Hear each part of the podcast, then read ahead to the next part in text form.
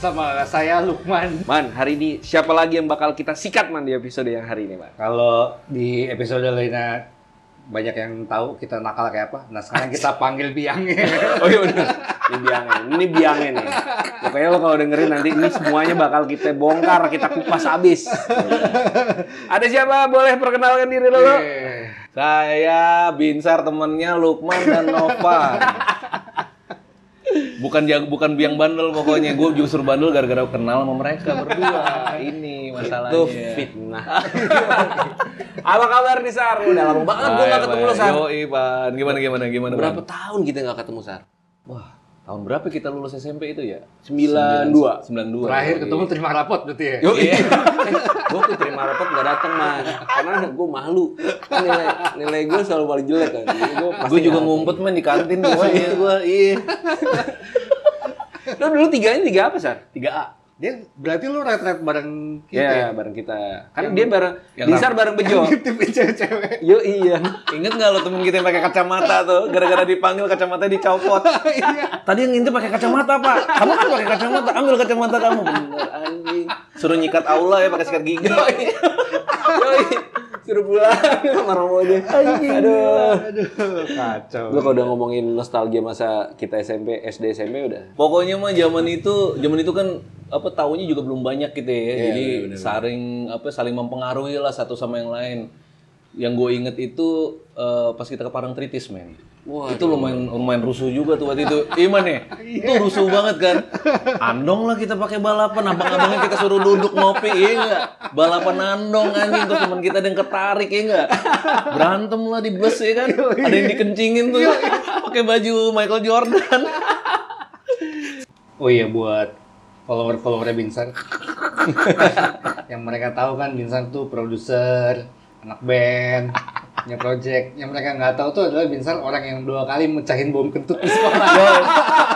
Itu saya orangnya. Anjing. Guru sejarah mau pingsan. Gila Itu masih SMP berarti. SMP. Bu Martini dong ya. iya. Gue dipanggil tuh sama, sama ini kan sama suster kan. Orang tua gue yang dipanggil Van. Mak, ke sekolah mah kenapa? Nggak tahu mau dikasih penghargaan katanya. Gila gue masih ngebohong juga sampai kantor suster. Gila ditampar gue sama ibu gue hancur hancur Tapi kenal anak zaman dulu beda loh sama anak sekarang. Kalau kita dulu nakalnya nakal lucu, kalau sekarang berani sama Iya, guru. benar, Guru benar. diajak berantem. Kalau kita segitu-gitu ada penghargaan, Iya. dihormati kita sama guru. kita dimarahinnya masih nunduk Van Yo, iya nggak nunduk Lihat kita. suster lewat kabur. kabur bener Walaupun ke WC ketemu Pak Mardi almarhum kan dicariin gitu. Oh, umpetnya di WC ini lagi. ngerokok di kamar mandi kan anjing gila kalau menurut gue zaman sekarang anak-anaknya kebanyakan distractionnya sih jadi mereka lebih doyan sendiri kalau kita kan nggak punya teman nggak punya teman nggak nggak nggak main kalau nggak punya Oh, iya temen. benar benar benar. iya kan Eranya udah berubah udah sekarang. ya. berubah sekarang Jadi mereka nggak punya teman pun pulang ke rumah main game online punya Main teman di gadget dunia aman. maya gitu ya. betul nah lu dimarahin sama mama lu nggak boleh keluar kita datang ke rumah Novan gue nggak bisa main men kelar Orang gue naik peda aja udah mendur dari rumah gua ke rumah lu.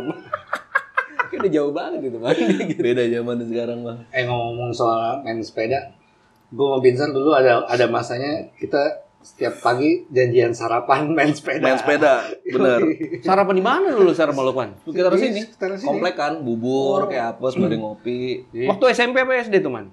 Berapa tahun yang lalu? Ini udah pada tua, udah jadi Oh, udah pada tua. Kebetulan doyan sepeda tua, Pan. Asik. Jadi baru main lah. Binsar tuh Iya. kolektor vintage bike. Iya. Oh gitu. Sar itu salah satu hobi lu sekarang ya? Iya, lumayan. Terapi sebenarnya sih. Asik. Sehat juga ya Sar ya? Sehat, iya kan. Jadi gitu tuh tiap pagi sarapan, siang pulang nih. Ah. Binsar sibuk rekaman segala macem, gue mau Tidur siang. Tidur siang, malam nongkrong lagi. Nongkrong lagi. gitu ya. Ngidarin pulau mas aja, Pan. Ngiter-ngiter pulau mas udah. Pokoknya daerah dari sini aja. Sini aja.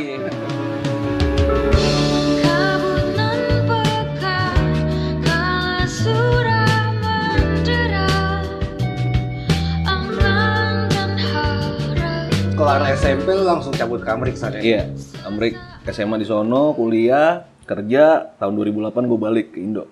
Oh, lama juga ya Sar? Lumayan. Berapa tahun lo di sana ya? 16 totalnya. 16 tahun 16 tahun. di Amerika. Iya. Bareng sama teman Oh, iya. kita yang juga udah almarhum ya. Iya, Ivel. Ivel. Temen kita banyak yang di Amerika kan, Sar? Banyak, banyak, banyak yang di Amerika. Ada- Ivel, ada ada Giri, Oh, iya. Koko, Koko di Oh, iya. Fresno, Giri di Sacramento. Lu di mana dulu? Gue di? LA. Los Oh, di. LA. Semi? Semi di sekarang lagi pindah ke Washington DC dia. Tadinya di Oklahoma. Jadi pas liburan kayak spring break atau summer break itu Ketemuan ya? ketemuan Seru banget. sekalian road apa road trip lah istilahnya jalan Seru banget. mobil nyamperin Di era-era itu ya. Sekarang nih kesibukan lo apa nih Sar? Gitu boleh. kesibukan nih sekarang ya Cerita ke teman-teman nih Sar. karena ya karena lagi corona ini berarti kerjanya emang dari rumah nggak pengaruh juga sih buat gue ya dari dulu juga kerjanya di rumah cuma untuk panggungan mungkin sekarang lagi lagi lagi nggak ada lagi lagi kurang lah jadi banyaknya sekarang ngerjain ngerjain musik orang gitu Oke. As a composer, as producer, a apa? composer producer eh, apa music director apa aja kebutuhannya sih sebenarnya gitu aja ngayal sih sebenarnya Van ngayal aja Asik. Tadi apa aja Sar Lukman menyebutkan beberapa band itu? Float, eh, Float. Float, gue jadi basis di situ. Jadi basis di Eh, situ tahun ya. 2017 diajakin join jadi member. Kalau Costaro itu dibikin dari 2017 kita rilis album satu tuh 2018. Oke. Dulu under label? Under label label sendiri. Label sendiri. Label sendiri. Kita akhirnya gue bikin label gitu untuk Costaro ya. Float juga label sendiri juga. Oke. Lalu Marskate itu proyekan gue sama temen-temen gue lah gitu. Tahun 2014 Oke. satu album. Genrenya apa tuh Sar? Yang lo main? pop pop semuanya pop cuma runutannya mungkin orang arti ini apa ada ada yang bilang chamber pop ada yang bilang dark pop ada yang bilang ya, ya terserah lah ya pokoknya runutannya menurut gua pop aja pastinya Nah waktu lo di US itu apakah lo mengambil sekolah musik sehingga kan lo akhirnya berkarir sekarang di Oke. dunia Eh, musik? pa- pas kuliah tuh gua ambil manajemen Kagak nyambung. Pokoknya gitu ya musisi dalam hati pokoknya dalam musisi hati ya. musisi gue juga bingung juga kalau seandainya mau ngambil sekolah musik ntar jadi guru lagi gue Iya, kan guru musik guru les lagi ntar kayaknya enggak deh jadi akhirnya gue ngambil manajemen gue coba untuk kerja pas pulang ke Indo eh habis itu gue lebih memilih untuk yang lebih tenang aja kerja sendiri gitu Oke. apaan gitu mungkin musikan deh ya udah akhirnya berjalan sampai sekarang Berarti lo di US dulu kerja kantoran. Oh kerja kantoran. kerja kantoran Tapi dulu di Amerika lu udah ngeband ngeband juga kan? udah ngeband juga gue tahun begitu lulus gue gua gua mulai ngeband tahun 2014 eh tahun 2004 itu gue mulai mulai apa mulai main deh di skenanya Amerika yang di Hollywood tuh Hmm. dari Whiskey A Go Go Viper Room apa Kalau Troubadour manggung-manggung di situ ya. manggung di sana ngiter kita bikin tour lokal bandnya Punya album berarti Sar di punya waktu album di di sana sana. punya album Uh, tekan kontrak juga sama kita label juga di self produce juga Oh, oke. indie juga sana karena di sana industri indinya juga berkembang juga. Berkembang juga, dan, dan fasilitasnya kan banyak kan. Maksudnya tempat manggungnya tuh banyak banget gitu yang historikal lagi yang semua pada pernah main Iya, gitu kan. Whiskey A Go Go sih historical banget ya. Gak apa yang ini Viper Room. Gila Viper Room Troubadour terus apa lagi ya eh, House of Blues. Gila-gila tuh tempat man. Iya, iya. Kita datang sana semua pernah main di situ mau Radiohead mau band mana aja pasti main di situ pasti. Gila. Band gua orang Indonesia semua tuh kebetulan Kebetulan yang Kebetulan anak-anak Indonesia yang ada di sana. Batak semua lagi Gila ya lagunya gitu. Aduh, lagunya lagu-laguan gitu. Lagu Batak yang aransemen ala bule gitu ya. Era waktu itu karena kita sama-sama tumbuh di tahun 90-an awal, kita tuh red hotan banget, men. Wah, asik. Nah, kebetulan gue doyan banget nih red hot kan. Di Zaman sini tuh zaman-zaman Funky Kopral deh. Oke. Gue inget banget tuh gue nyari ininya Funky Kopral tuh, Bam dan Prakoso. Ah, kita mainin lah yang yang yang ini. Nah, mereka juga bingung juga orang bule, belum pernah lihat orang mainin musik funk tapi bentukannya ini nggak kayak orang bule nih, ya? Anjing nih kuning semua nih kulitnya. Ada yang hitam lagi. Dan itu jadi perhatian khusus berarti ya di sana. Iya, kayak begitu. Cuman kan kalau dia per- perbedaannya skenanya sana sama skena sini ya di sini di sini tuh lebih banyak event nih. Kalau di sana tuh dari venue-nya yang bikin event, Van. Oh, gitu. Gimana sih Sar? Boleh cerita sih nggak sih sama yang dengerin kita nih? Apa sih bedanya kalau di US? Nah, kalau musiknya? kalau di sana emang dibikin adil banget sih. Semua yang mau main itu harus jualan tiket. Nggak Oke. peduli lo sebesar apa. Jadi kalau kalau dikasih tiket 20, lo harus setornya tuh dengan jumlahnya itu semuanya. Misalnya 20 tiket harga satu tiketnya misalnya 10 dolar, berarti kan 200 dolar kan. Nah, lo harus ju- harus setor tuh 200 dolar itu sebelum naik panggung. Oh gitu. Kalau lo cuma laku 100 dolar, yang 100 lagi lo nombok, men. nggak mau tahu ya? Nggak mau tahu. Dan kita nggak bisa ngandelin temen dalam hal itu. Karena kan tiap minggu main nih. Iya. Lo ajakin temen, misalnya gue ajakin, Van datang Van gue manggung. Sarah gue kan non- udah nonton lo kemarin Sarah minggu lalu. Jadi lo mesti create market yang baru tuh Van. Tapi di era segitu kan nggak kayak zaman sekarang, Sar. Kalau sekarang lo bisa ngebentuk dari sosial media, fans club. di sana itu modalnya cuman eh, apa eh, Pasang poster? Pasang poster sama ini man. Eh, setelah Friendster apa tuh namanya tuh? Facebook. Eh, yang ada yang ada playnya juga khusus buat Iya, musik kan deh. apa? apa sih namanya? Itulah pokoknya lah. Nah kita mulainya tuh dari situ habis itu baru mulai canvassing. Kita canvassing. Jadi canvassing ke rumah-rumah ke kantor-kantor kasih flyer-flyer gitu man. Kita nyetak sendiri. Tanggal segini kita main bisa didengerin di sini gitu Nah mereka untuk dapat itunya, untuk dapat misalnya contoh macam repertoire musik yang akan lo bawain. Nah kita kasih webnya itu dia apa sih namanya Oh, tuh gue jadi lupa. pakai web deh. ya? Iya. Apa ya namanya dulu ya? Anjing gue lupa. loh. Anyway begitulah. Terus udah gitu eh, era itu memang karena masih jarang jadi yang baru-baru ma- main itu dikasih jadwalnya tuh yang susah banget jualannya kayak hari Minggu jam 10 jam 11 hari Senin orang mesti ngantor iya nggak? Ke Hollywood pula. Kayak orang bener aja kan lo malam-malam ke sono kan? Gila. Dulu lu berarti kalau kayak gitu apply ke tempatnya? Iya, Atau kita- mereka yang menc- pe- pencari bakatnya mencari, oh ini band boleh masuk ke tempat kita gitu? kita kasih media kit lah. Sama dia kita kasih gratis itu habis itu mereka ambil ya udah. Nah begitu dapat prime time-nya itu setelah jalanin hampir 8 bulan deh hampir satu tahun gue dapat prime time itu hari Sabtu jam 7 malam. Oh itu prime time. prime time nah di situ kita dapat duitnya itu dari eh, jualan minuman Oh, Oh F&B. gitu. F&B kita ambil semuanya Oh, Jadi gitu. Oh, semuanya? semuanya kita ambil dia mereka ngambil dari pintu doang Jadi mereka Plus cuma dari tiket doang. mereka dari tiket sama plus dari yang dari kita Iya, iya. Jadi kita di panggung itu sehabis selesai eh, lagu satu, ayo beli minuman karena kita yang ngambil man. Semuanya bukan 30% semuanya dikasih sama kita. Gitu ya? Sama kalau di Indo itu promosinya lebih gencar sih. Karena Oh, yang iya. terlibat kan banyak kan. Iya. Dari IO-nya lah, dari Iya. venue-nya lah, dari artisnya Semua lah. punya ke- kepentingan untuk ngarep duit. Iya. Kalau di sana venue-nya nggak butuh promo. Gila udah historikal loh Radiohead pernah main di situ gila.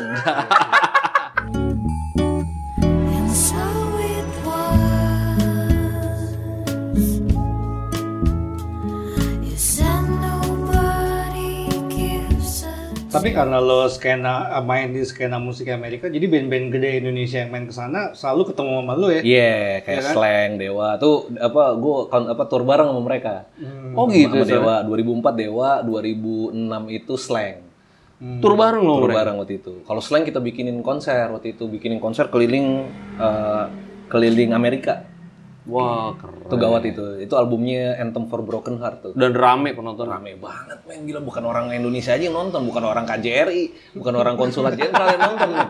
bule itu mah gila ngeliat kakak nyanyi buka baju kayak begitu aja Keren ya rock and roll banget. six pack lagi kan? Yoi. dan lagi winter bos.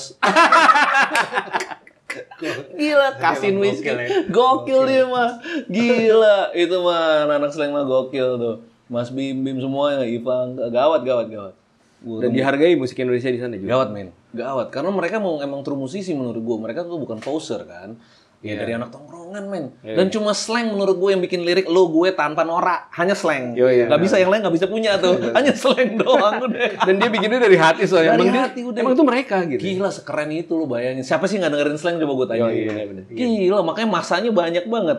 Float main aja di Cirebon aja datang bawa orang bawa bendera slang man. Sama OI. Gila. Ini kagak main nih slangnya mah. Bawa aja benderanya bang. Iya.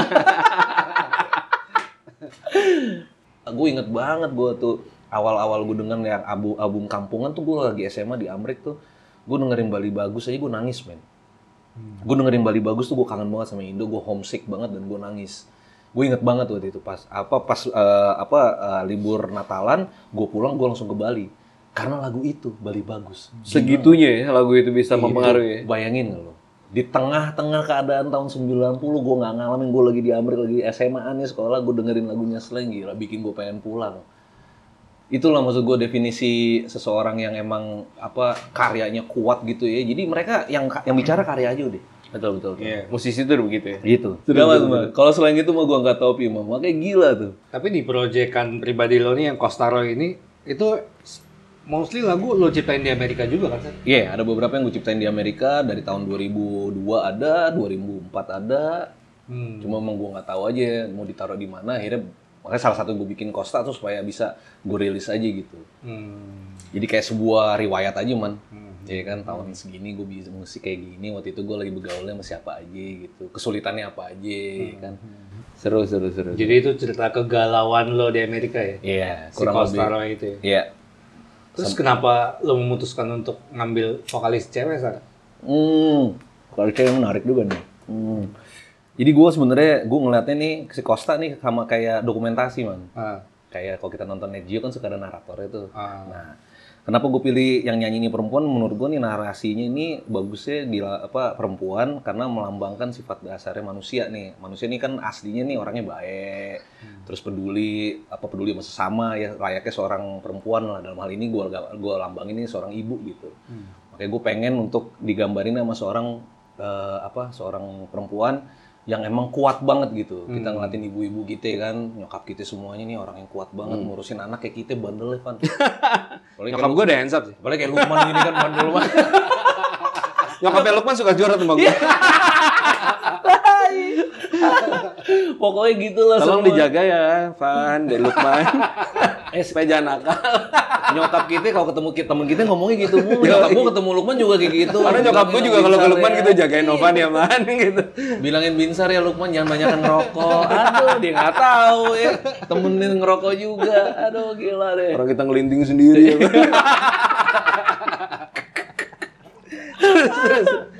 Anjing. Nah, Costa nih gue bikinnya di Indonesia karena emang menurut gue keadaannya udah udah mendukung gitu. Kalau di Amerika kayaknya nggak akan gue jadiin apa-apa. Oh, jadi emang lo tabung aja tuh lagu. Sebenarnya juga nggak nabung juga sih man, gue nggak tahu mau jadi apaan. Iya nggak, Costa aja gue baru kepikiran. Bikinnya pas di Indonesia. Tapi kalau di sana emang emang susah gitu untuk untuk apa untuk ngayal. Maksudnya bukan susah ya. Eh, karena kehidupannya mungkin stagnan kali menurut gue. Oh. Kita gitu-gitu aja gitu kan kehidupan gitu aja. Jadi akhirnya kita kebanyakan mikirin tentang diri kita sendiri gitu. Kalau di sini kita banyak melihat dan banyak kita punya akses tentang eh, cerita-cerita dari ke orang-orang. Jadi kita tahu hidup orang kayak gimana yang akhirnya kepikiran sama kita gitu. Terus jadi sebuah inspirasi untuk berkarya gitu. Iya, sebenarnya yang ditimbulin rasa empati itu sih. Dari empati itulah akhirnya lo kita peduli apa kita mikir bahwa ini kayaknya hidup gue nih tentang diri gue banget nih. Nah, ini udah mulai narik lah kita. Apalagi era sekarang kan. Lo lihat aja coba sekarang sosmed isinya apa orang pada selfie. Betul sih. Kan diri Sama curhat. Iya. Men, orang keco men orang orang ada masalah aja cerita pertama di sosmed. itu gila, men. Berdoa aja di sosmed. Itu gila ya, men ya. Gila di loh. Temen gue kecolongan cerita di sosmed gue bingung. Akhirnya gue gue DM, men lu mesti telepon polisi, men. kan bingung gue kan. Gimana nih? Dia ngarepin jadi viral kan. Iya kayaknya ya. Maksudnya kan itu kan bantuannya lama, men. Iya kan sampai orang akses dulu. Nih ada temen kita nih yang butuh pertolongan.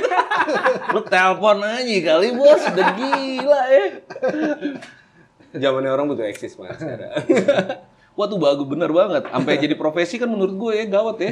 Selebgram gitu gila beneran. Iya. Costa kapan mau rilis lagi, Sar? Pertanyaan satu juta umat gitu. Yang nungguin banyak banget soalnya. Roses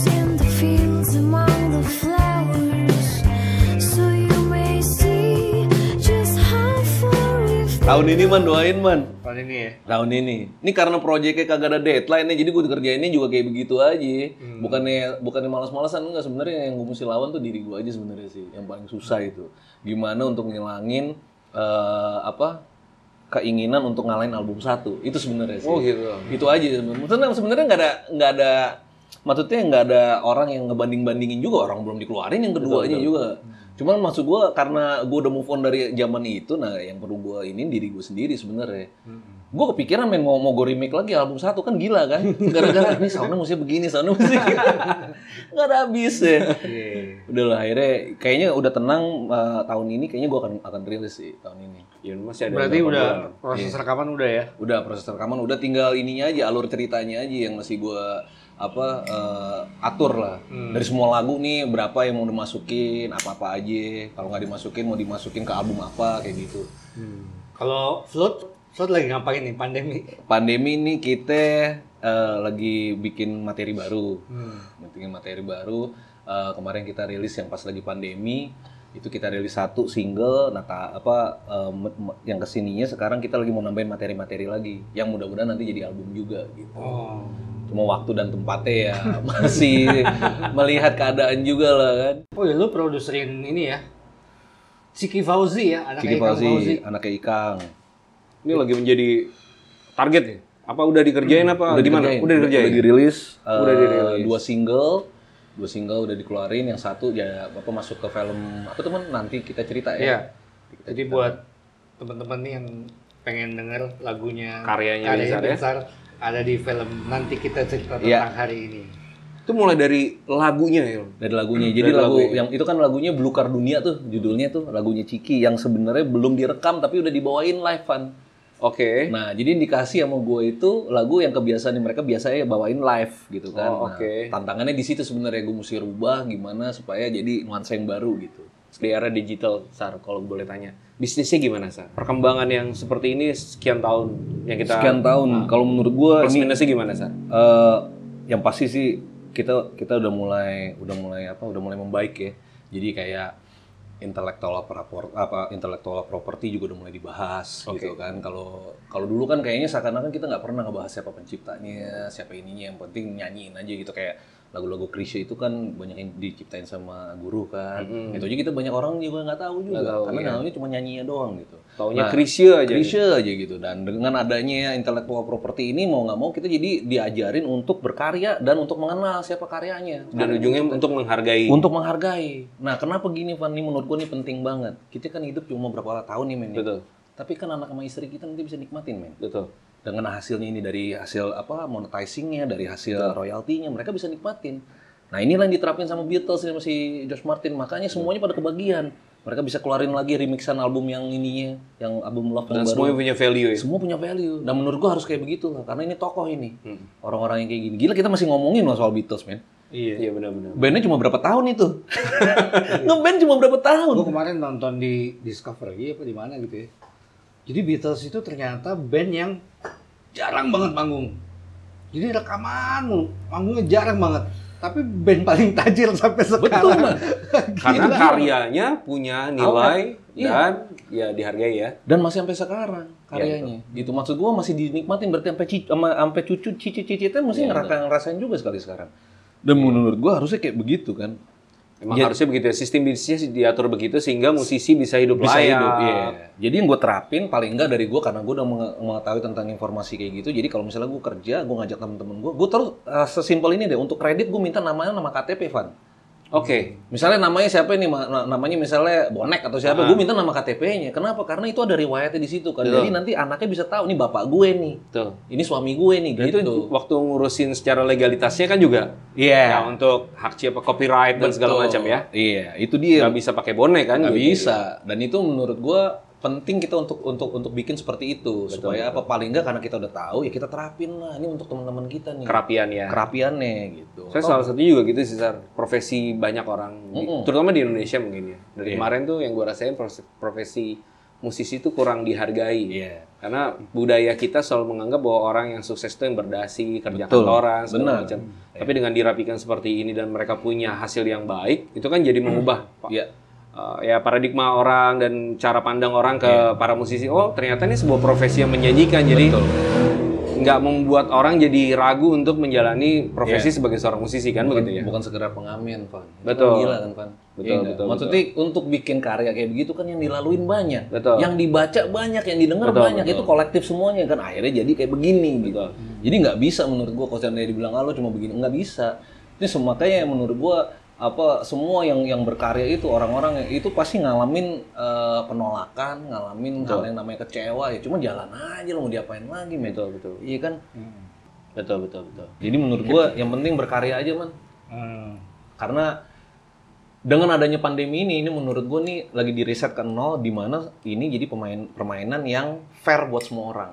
Lo mau band yang udah puluhan tahun mau band yang baru mulai sama man platformnya apa ya? dari digital iya nggak Iya, iya. jadi kita mesti manfaatin ini semuanya. Nah, band-band yang udah lama juga nggak boleh males. Mereka juga harus mulai lagi dari nol. Kalau yang belum pada ngedaftarin Mami sama Haki mah harus daftarin dulu supaya mereka bisa nikmatin royalti sama monetizingnya ini. Gitu. Iya, tapi tapi intinya kan penghasilan lo walaupun nggak mau tetap puluhan juta juga kan. Ya, ada. ada. Soalnya kita juga salah satu wawancara kita ngobrol sama Binsar hari ini karena sudah menjadi pelaku dan mendapatkan Iya. hasil Iya. yang baik. Jadi bisa ngasih apa sar ya ngasih sedikit sharing ilmu sama teman-teman yang ngedengerin podcast kita nih. Benar. Jadi akhirnya karena orang banyak yang banyak waktu di rumah, mungkin mereka salah satu dan penat gitu ya, mungkin salah satunya musik tuh menjadi kontribusi yang terbesar untuk mereka bisa ngelaluin hal-hal seperti ini gitu ya, kesusahan pandemi ini. Jadi menurut gua ya gue mau semangatin semua orang bikin karya udah. Bikin karya ya. Kita sama nih sekarang nih sama band yang besar sekalipun sama Dewa atau Gigi sekalipun sama men. Sama banget. nggak ada bedanya. Lu mau bikin apa mau bikin konser sama. Dewa juga bikin konser apa Gigi juga bikin konser begitu juga pasti kan. Sesulit itu Betul. bikin konser sama dengan band-band yang baru gitu. Tapi jatuhnya lo sekarang indie berarti? Ya in- kalau indie itu Nggak masuk major kan? nggak masuk major ya. Sebenarnya indie itu kan mental kan ya. Oh, Mental maksudnya eh, karena kita memilih untuk menjalankan apa yang kita percaya aja kan. Jadi nggak ada uangnya juga. Ya di- makanya dibilang orang gila lah. Musik soalnya dari hati, Sar. Iya, bisa, susah kan? Nggak bisa diatur-atur gitu, nggak bisa. Bener. Dan gila itu pada saat lo jalan sendirian. Tapi begitu lo ketemu temennya kayak kau ketemu Lukman, gue ketemu lo, ternyata masih ada yang lebih gila dari gue. gue jadi normal, men. gue dengerin cerita lo aja gila lo, Pan. Udah ke mana-mana, iya nggak? Tapi lo ngerasa gila gara-gara lo sendokiran, kan? Iya, begitu lo ketemu juga sama Lukman. Dia lebih gila dibanding gue. Iya, normal gue nih, ada yang lebih gila soalnya.